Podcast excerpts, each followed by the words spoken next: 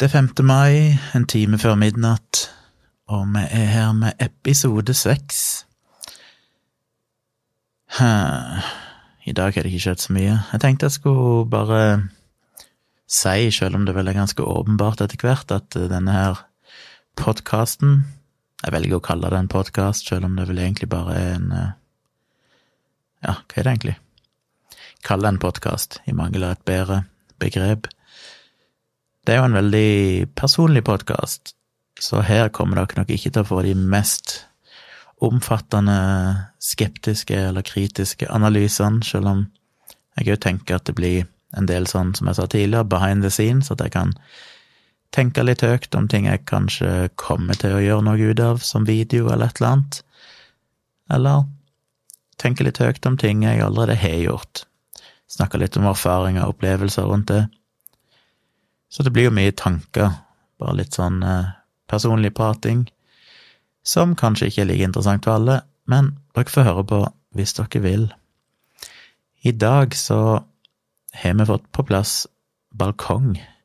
Det vil si, meg og samboeren min kjøpte jo en ny leilighet etter at jeg hadde bodd på Tøyen i en ganske liten leilighet i Hvor lenge var det? Ni år, omtrent? Åtte år? Åtte og et halvt år? Ni år? Ni år? Så, som jeg bare leide. Men det ble litt trangt der etter hvert når dattera mi begynner å bli ganske gammel, og hun er jo, er jo der en del helger. Og jeg fikk samboer, så fant vi ut at vi måtte ha noe litt større, eh, og da ville vi kjøpe et eller annet. Så vi endte jo opp eh, litt ut forbi Oslo, i en veldig stor leilighet. Eh, Iallfall stor etter det jeg er vant med. Det er vel 94 kvadrat i sånn bruksareal. Men det fine er at det er faktisk fire rom her. Og når vi flytta fra Tøyen, der jeg hadde bare ett soverom, og så en sånn kombinert stue og kjøkken og et bad, eh, så ønska vi jo flere rom, for at både meg og samboeren min er litt sånn liker å ha litt alenetid, og vi driver med våre egne ting. Og det var alltid et problem. På Tøyen så hadde jeg jo det som var kjøkkenbordet, en sånn lite firkanta bord mellom den avdelingen som er kjøkken, og det som er stua hadde jeg som kontoret mitt, så jeg måtte jo på en måte sitte midt i stua med datamaskinen og jobbe. Og eh, når dattera mi var der, så etter hvert som hun ble eldre, så fikk hun soverommet, og så sov jeg eller meg og samboeren, når jeg hadde det, ute på sofaen, fikk han å legge ut en sånn sovesofa i stua. Men det er jo litt styr. Og jeg er virkelig glad at jeg ikke bor der nå, når denne pandemien og sosiale distanseringer pågår, for hadde vi ja, bare vi to skulle bodd der på Tøyen så hadde vi sikkert gått litt på veggene, for jeg må jo jobbe hjemme hele tida. Og da hadde hun vært litt handikappa, for hva skulle hun gjøre av seg? Kunne ikke sittet og sett på TV eller jobba med sine ting. Hun er jo også podkast og lager YouTube-videoer og sånn. Så det hadde blitt vanskelig, så jeg er meg sjeleglad at vi er her, i denne leiligheten, i disse dager. Her er vi altså fire rom, så da gjorde vi det ene, det største, er jo på en måte bed, master bedroom der vi har seng, dobbeltseng og sover. Um, og så har vi et ja, det største vel av de tre andre rommene. De har Tone til sitt kontor slash studio slash garderobe. Hun er jo veldig glad i klær, så hun er mye klær. Mange sko, mange hoodies, mange sokker, mange av alt. Men hun kjøpte en sånn, bestilte en sånn garderobe fra Ikea som er satt opp. Eh, der hun kan liksom organisere og ha tøyet sitt. Pluss at hun har da studio og sånn der inne, og kan sitte og lage YouTube-videoer og spille inn podkasten sin der. Og så er det et rom som dattera mi har. Det står jo for det meste tomt, for hun er jo ikke her så ofte, men hun har sitt eget rom, iallfall, så når hun er her nå, så har hun sitt rom som jeg prøvde å gjøre litt koselig, med skrivepult og hylle og eh, speil på veggen som hun kan vende ut hvis hun vil ta selfies. Uh, ja. Så der koser hun seg. Og det er sånne breie vinduskarmer på det rommet, og det var jo helt perfekt for henne, for det beste hun vet, er å sitte i vinduskarmen med mobilen, kikke ut og sitte og dille med det. Og så er det mitt kontor, da, som vel kanskje er Ja, det er ikke det minste rommet, det er vel omtrent som dattera mi, men det har jo jeg da gjort om til kontor slash eh, videostudio slash podkaststudio. Litt i det minste laget. Kunne hatt et par-tre kvadratmeter til, så jeg fikk litt mer sånn plass til alt utstyret og litt avstand mellom kamera og der jeg sitter og sånn. Nå er ting litt sånn trangt og tett, men det er jo på mange måter et luksusproblem. Jeg er jo sjeleglad for å ha dette egne kontoret, spesielt nå når jeg jobber hjemme. Så kan jeg da stenge meg inn her på morgenen og sitte og jobbe, mens Tone kan gjøre det hun vil andre steder i huset, eller i leiligheten. Og så er det jo en stor balkong her, jeg hadde en relativt stor balkong på Tøyen òg, som jeg var veldig, veldig glad i, for uh, en del av året, i noen måneder når det var varmt nok, så gjorde jo det at jeg fikk basically et ekstra rom i leiligheten. Uh, og den var romslig. Det som mangla på den, det var siden jeg bodde i toppetasjen, så var det ikke noe tak over balkongen. Og det var litt sånn kjipt, for hvis det regna og sånn, men var varmt ute, så kunne jeg på en måte ikke sitte ute på balkongen.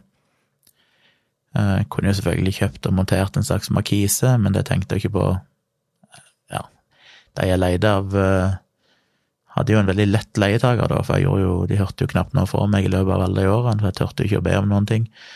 Men når vi skulle flytte ut, og det skulle ha visning for nye leietakere, så snakka jeg litt med dem og liksom nevnte det, sånn ja da, det var greit at markise, og da var de sånn ja, det burde de kanskje kjøpt, så tenkte jeg faen, hvorfor sa jeg ikke det for åtte år siden? Jeg tenkte liksom det var litt for mye bryderi å be de betale for en markise som skulle henge der. Men her er det iallfall en nesten dobbelt så stor balkong, gigantisk, med tak over, for nå bor vi i første etasje, men det er fortsatt litt heva opp over bakkenivå, så det er liksom ja, ganske fint, føles trygt. Uh, og den er jo bare stått der nå uten noen ting, for vi har hatt nok med å få på plass møbler og male og gjøre alt det vi skulle her i leiligheten. Det var en nydelig leilighet, for den var jo nybygd i 20, mai 2019. Så det er jo helt oppussa, alt er splitta nytt. Ingen som har bodd der før oss. Og det elsker jeg. Jeg er ikke så glad i gamle leiligheter, jeg er ikke glad i oppussingsprosjekter. Men dette her er bare å flytte rett inn, og vi kunne jo egentlig bare flytte rett inn og bodd her, men så ville vi jo gjøre noen egne grep, så vi malte jo basically alt svart, alle veggene svarte. Hadde jo et helsikens styr med å spraymale alle kjøkkenskap og skuffer og alt, så alle frontene er svarte, for å gjøre det litt spesielt. Og ja, malt rommene og malt skapene og alt, sånn at det er veldig lite som er bare basic kvitt, enten gangen og badet. Og Maja sitt rom. Og en på mitt kontor så malte med en sånn strukturmaling, eller hva det heter, veldig sånn tjukk, eh, klattete maling, så jeg klatta på veggen på den ene, så det ble nesten som sånn betongmur, murvegg, betongvegg, med mye struktur og ujevnheter, som jeg syns er fint. Og litt sånne ting, for å få litt karakter her inne.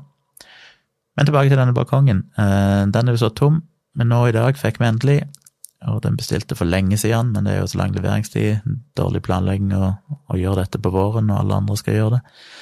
Men vi bestilte noen ganske fancy sånne keramikkfliser til å ha på gulvet, så vi har lagt ut de, dekka hele balkonggulvet med sånne fine keramikkfliser. Og så har vi fått oss en liten hjørnesofa som vi har skrudd sammen og fått på plass litt andre ting, sånn at det nå faktisk går an å bruke balkongen. Og det er deilig. Det eneste som mangler, det er jo at, eller som jeg merker, at eh, det blåser en del her vi bor nå. På Tøyen var det jo stort sett vindstille. Alltid. Men her er det liksom konstant en, eh, en vind. Så jeg er jo spent på hvordan det blir til sommeren. Når det er varmt og steikende sol, så er sikkert det bare fint. Det er nedkjølende. Men akkurat nå så er det litt sånn småsurt å sitte på, selv om det liksom er fint vær, så er det fortsatt den der litt sånn kalde vinden. Så jeg må finne en eller annen løsning for å skjerme, og det er jeg ikke helt sikker på hva jeg skal gjøre ennå. Jeg må ha et eller annet som ja, som passer inn, og som ideelt sett går an å flytte på, men samtidig står stødig nok til at du kan ha det stående uten at det blåser over ende med en gang det kommer et vindkast. Så hvis dere har noen gode tips der, så får dere skrive en kommentar under denne episoden. Mine foreldre kjøpte nettopp en sånn skjermvegg som de hadde montert, så jeg jo sendte bilde på deres balkong, som de hadde kjøpt på Europris av alle plasser. Og så er det jo tilfeldigvis en Europris rett borti gata her. Så selv om jeg alltid har sett på Europris som litt sånn ikke en plass jeg går så ofte, så må jeg kanskje stikke innom der, for der har de visstnok litt hagemøbler og stæsj som kanskje er billig og greit og duger til formålet. Men kom gjerne med tips hvis dere vet om noen solide greier som ikke koster altfor mye, som går an å flytte og sette opp for skjermer på sida av sofaen, skjermer for vinden. Og så lurer vi på om vi skulle ha en grill. Jeg ser ikke helt poenget. Jeg hadde alltid likt å grille, og når jeg gifta meg for en eh, tilbake i hva var det, 2007. Så fikk vi en sånn, jeg vet ikke om det var Weber eller noe tilsvarende, en sånn svær gassgrill av min yngre bror som bryllupsgave. Så den brukte vi jo ganske mye i en del år. Um, og så endte det jo opp med at de fikk han tilbake igjen når vi skilte dere og jeg flytta til Oslo, så det var en god deal for broren min. Så den brukte de en stund, der de bor. Men uh, Tone er jo veganer, og jeg spiser ikke fryktelig mye kjøtt. Men det går jo selvfølgelig an å grille andre ting enn kjøtt. Uh, men jeg er litt usikker. Jeg har liksom lyst til å ha en grill, for det er kjekt å ha når han trenger det. Samtidig så ser jeg for meg at han kommer vel ikke til å bli brukt fryktelig mye. Så jeg får tenke litt på det. Så må jeg først finne ut av om det er lov å ha en gassgrill her på balkongen. Hvilke regler er for akkurat det. Men jeg får se. Det er så stor den balkongen at jeg føler jeg må ha noe mer på den for å gjøre det litt sånn koselig. Eller som jeg sier, at jeg bare begynte å kikke bitte gjennom noen e-poster i dag, for jeg er jo Det var en gang i tida i mine yngre dager når jeg drev og blogga sånn i første årene, så var jeg jo veldig aktiv til å svare på kommentarer og svarte på mailer innen ti minutter etter jeg hadde fått de og sånn. Men de siste par-tre årene så har jeg vært fryktelig dårlig til det. Um, men jeg leser jo alt. Det går ikke an å ikke lese det. Får jeg en mail, så leser jeg den jo selvfølgelig. Får ikke så mye mail at det ikke går an å få lest de, men det er ikke alltid jeg liksom bare orker, for ofte er det litt sånn omfattende spørsmål. Så når jeg liksom bare lagt de i ei, ei mappe, for ofte er det tips da, til ting jeg kan, eller spørsmål, så tenker jeg ja, det kunne jeg jo kanskje lagd en video om, eller snakke om i podkast, eller noe sånt. Så jeg kikka litt gjennom mailer og oppdaga at jeg har jo allerede besvart en del av de via video, så jeg svarte til noen av de i dag og sa at ja, du, det lagde jeg jo forresten en video om, inspirert av mailen din, så sjekk ut den. Men jeg ville bare si det at hvis noen sender mail til meg, så blir de lest, og får dere ikke svar, så er det bare for ikke noe fornuftig å si akkurat der og da. Det kan komme et svar seint, eller det kommer kanskje aldri svar, men kanskje det inspirerer meg til å gjøre et eller annet uansett. Så jeg har jo hatt lyst å lage video. Tenk på det i dag, skal jeg prøve å få lagd en ny video. Jeg la ut en video her for et par-tre dager siden. Eh, hvordan tenke som en skeptiker, som sagt. Får ikke veldig mye views, og det er alltid litt demotiverende når du får sånne Du bruker et par dager med arbeid fattelig mye timers arbeid, og så, så er det liksom ikke så mange som gidder å se han. Og det er det som er vanskelig på YouTube, det er å finne de videoene som virkelig slår an. Jeg hadde jo en video for en måned, drøy måned siden, halvannen måned siden, om Henriette Lien, som var en slags reaction-video der jeg tok for meg en liten video hun hadde lagt ut på YouTube, nei, på Facebook. Og så reacta jeg, eller kommenterte den, og den fikk jo, den har vel fått over 50 000 views nå. Så den gikk jo på en måte viralt, holdt jeg på å si, eh, som var veldig kult. Men det må liksom et eller annet sånt til for at folk skal virkelig engasjere seg. Til og med de Smittestopp-videoene jeg lagde, som var seks videoer som jeg følte var høyaktuelle, jeg har jo bare fått eh, 2000-3000 views. Så det er jo ja. Det Føles nesten ikke som at det er verdt det. Men jeg vet jo at en må jo bare fortsette. Det handler jo bare om å lage videoer, så går det vel bedre etter hvert. Men så er det jo det med å lage videoen, da. Jeg har det evige problemet at jeg mangler selvtillit på ting. Jeg sitter og tenker at jeg burde gjort det og det og det, og så bare tenker jeg nei, det er sikkert ingen som gidder å høre på, eller sikkert ingen som bryr seg, eller kommer ikke til å klare å si noe fornuftig om det. Og siden den der Henriette Lien-videoen funka bra, så har jeg jo hatt lyst til å lage andre sånn type reaction-videoer, for det var jo på en måte litt sånn jeg blogga, jeg tok jo for meg en artikkel eller en påstand noen hadde posta på Facebook, eller noe sånt, og så brukte jeg det som utgangspunkt ofte til å sjekke forskning og, og skrive om det. Og det blir jo litt sånn i videoformat òg. Det er noen som mener et eller annet, og så kan en sitte og kommentere det. Men det er vanskelig å finne den rette videoen. Den Henriette Lien var fin, for den varte jo i ti minutter eller noe sånt. Det passer bra. Men de fleste andre videoer er ofte ganske lange. Jeg begynte på en her for uh, tre-fire uker siden, vel, der hun Kari Jakkesson hadde en uh, livestream som varte i over en time, som vel da temaet var at uh, vi måtte åpne opp Norge igjen, og det var jo allerede i slutten av mars. Hun mente at det var helt idiotisk og var ganske konspiratorisk, selvfølgelig, om hva for noen motiver, skjulte motiver, som egentlig lå bak at regjeringen stengte ned Norge. Så den begynte jeg å filme og reacte på, men så oppdaga jeg bare at det ble altfor langdrygt. Jeg hadde ikke tenkt å beholde den hele timen, selvfølgelig. Det hadde jo sikkert blitt to timer med snakkinga mi. Jeg hadde jo bare tenkt å kutte ut highlights, men det føltes bare som at det ikke ble noe snert over det. Så da droppa jeg det, bare ditcha hele prosjektet. Og så var det en som tipsa meg på mail, jeg gikk gjennom mail i dag, om han godeste Christian Påske, som jeg jo selvfølgelig kjenner litt til fra før. Han har jo vært litt i media, dere så han kanskje i Folkeopplysningen, der han eh, satt og argumenterte for flat jord-modellen.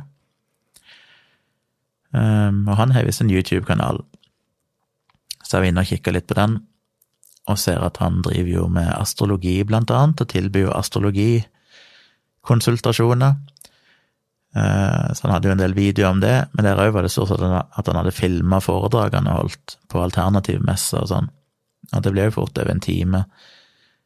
Men det er mulig å gjøre noe på det. Jeg satt og så litt av begynnelsen på et par av de, bare for å se hva det var for noe, og jeg så jo det var interessante ting der, så det var litt gøy å kommentere. Så det er mulig jeg får selvtilliten til å kaste meg over det. Men det er jo fascinerende med sånne folk, der han sitter og snakker om flat jord, og at han kan jo ikke forstå at ethvert oppegående menneske som ser på bevisene, ikke havner på den konklusjonen at jorda er flat. Uh, men det er liksom vanskelig å argumentere imot det, for det blir litt sånn du sa, han sa jeg, jeg, vil jo si akkurat det samme som han, at det er jo ufattelig hvis du ser på bevisene at ikke du kommer til den konklusjonen at jorda er rund. Men så satt jeg og leste litt, og jeg har jo gjort det før, har jo sett videoer på YouTube og sånn, og sett hvordan de argumenterer, de her flat earthers, flatjorderne. Og det er jo litt sånn som med kreasjonister, at de ofte har lært seg ved å lese alle disse forumene og fordype seg i det, så plukker de opp veldig mange sånne argumenter som det sånn umiddelbart ikke er så lett for en person som ikke har satt seg inn i det, å svare på.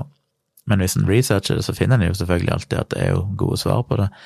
Men det krever jo mye arbeid. Eh, og det er ofte komplekst å formidle, og det er liksom vanskelig å gjøre det på en slags litt tabloid måte, holdt jeg på å si, i en video på kort tid. Men jeg får se om jeg bier meg ut på det. Det er kanskje mer interessant å ta for seg den astrologidelen, eh, for der har han jo noen merkverdige ideer som henger sammen med at han eh, tror på flat jord, for for å tro på flat jord, så må du jo automatisk òg benekte at gravitasjon er en reell kraft. Det er jo interessant, hele det aspektet der med at du begynner med flat jord, og så for å få det til å henge sammen, så må du fornekte gravitasjon. Og så må du òg fornekte at vann kan bue seg, at et hav kan ha en bua overflate over lang nok avstand.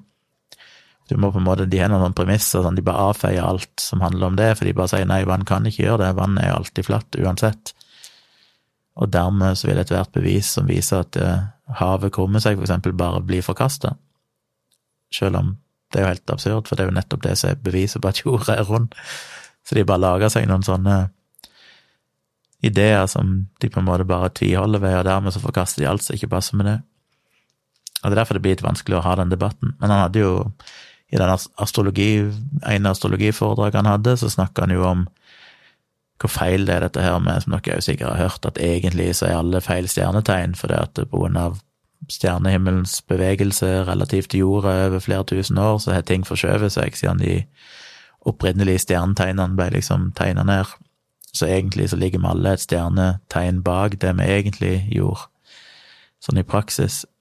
Og det skal han jo da bortforklare, og begynne å forklare det, men så begynner han jo å blande inn selvfølgelig at jorda er flat, og, og hvis gravitasjonen hadde vært reelt, så ville vi jo ha sett eksempel at hvis du holdt opp ei jernkule, så ville mygg begynt å kretse rundt jernkula, akkurat som planetene kretser rundt jorda, og det er jo selvfølgelig bare tull, det gjør jo ikke mygg. Så tenker jeg bare hæ?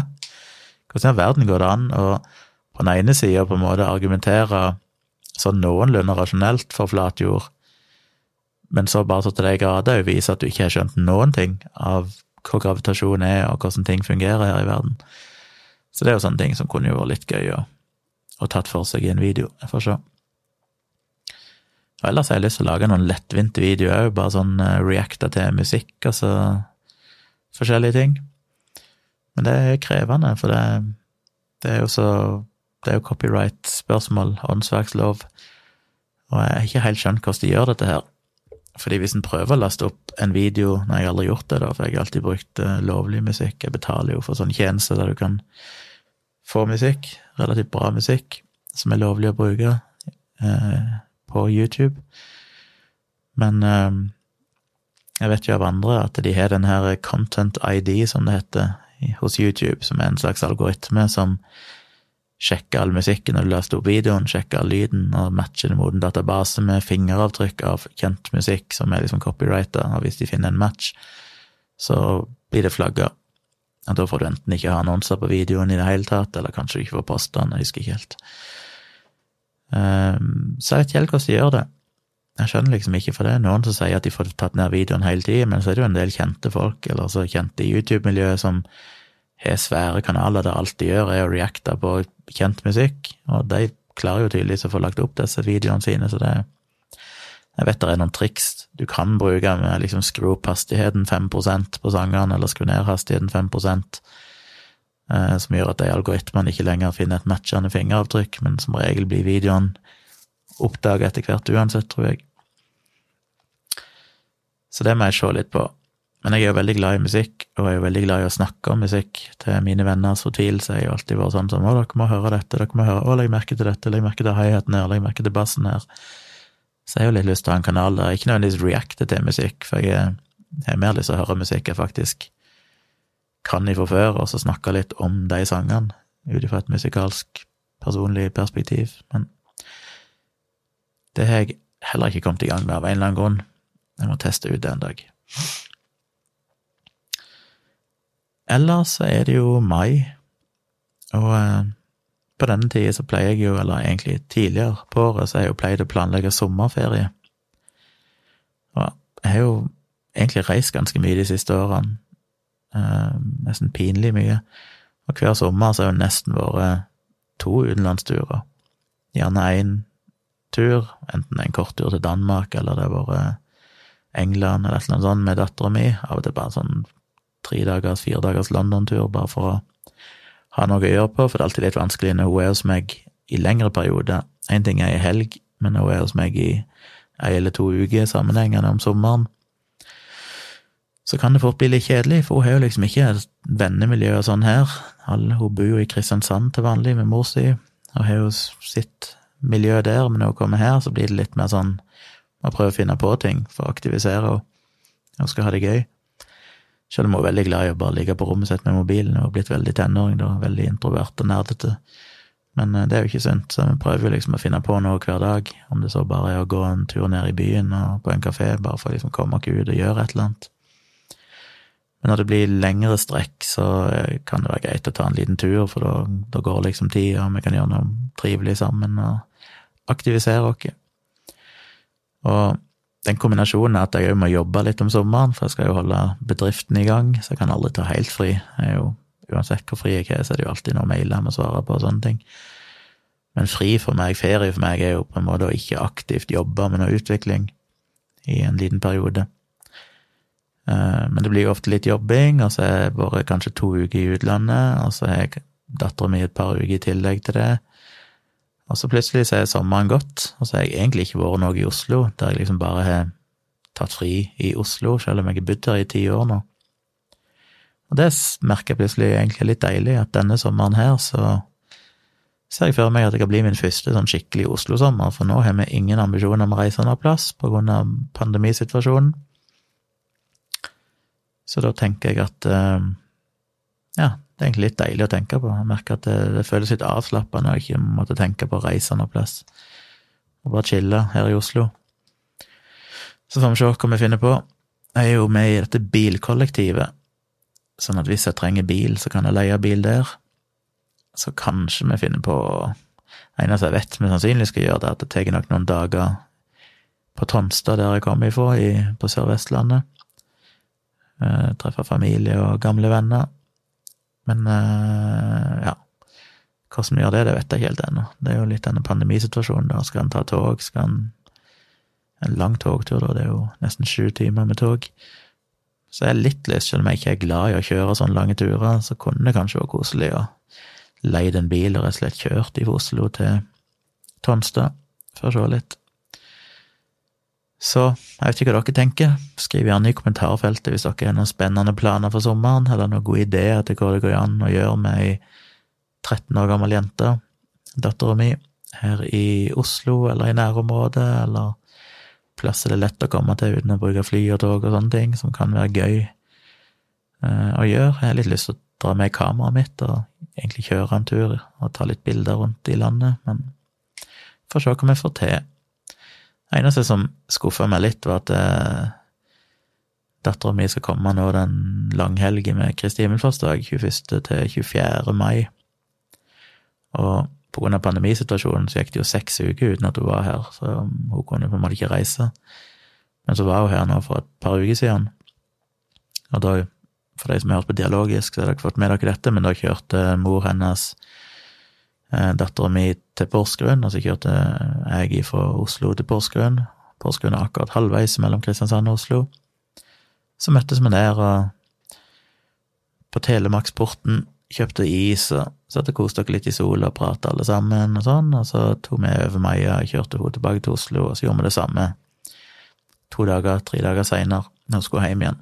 Eller det var vel litt lenger, for på grunn av hjemmeskole så kunne hun faktisk være her i ukedager, så hun var vel her i fem dager eller noe sånt. Eh, men det er jo litt styr, og det er ganske dyrt. Det koster meg vel en 1200-1300 kroner hver vei å leie bil, så det blir jo sånn 2500. Og en flybillett, for eksempel, koster jo bare 700-800 kroner tur og tur for henne, siden hun får ungdomsbillett. Tog er vel som regel dyrere, med mindre du får minipris, men det kommer omtrent ut på det samme som fly. Men det er jo igjen en ganske lang tur, og jeg vet ikke hvor keen hun er på å sitte på toget alene i mange timer. Det spiser opp ganske mye av den tida vi kunne hatt sammen.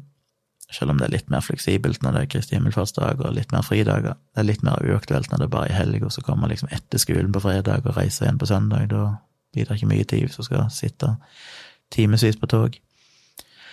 Um, men poenget mitt var bare det at vi endte opp etter å ha snakka litt med mor hennes, som diskuterte litt fram og tilbake, liksom er det trygt at hun reiser med fly?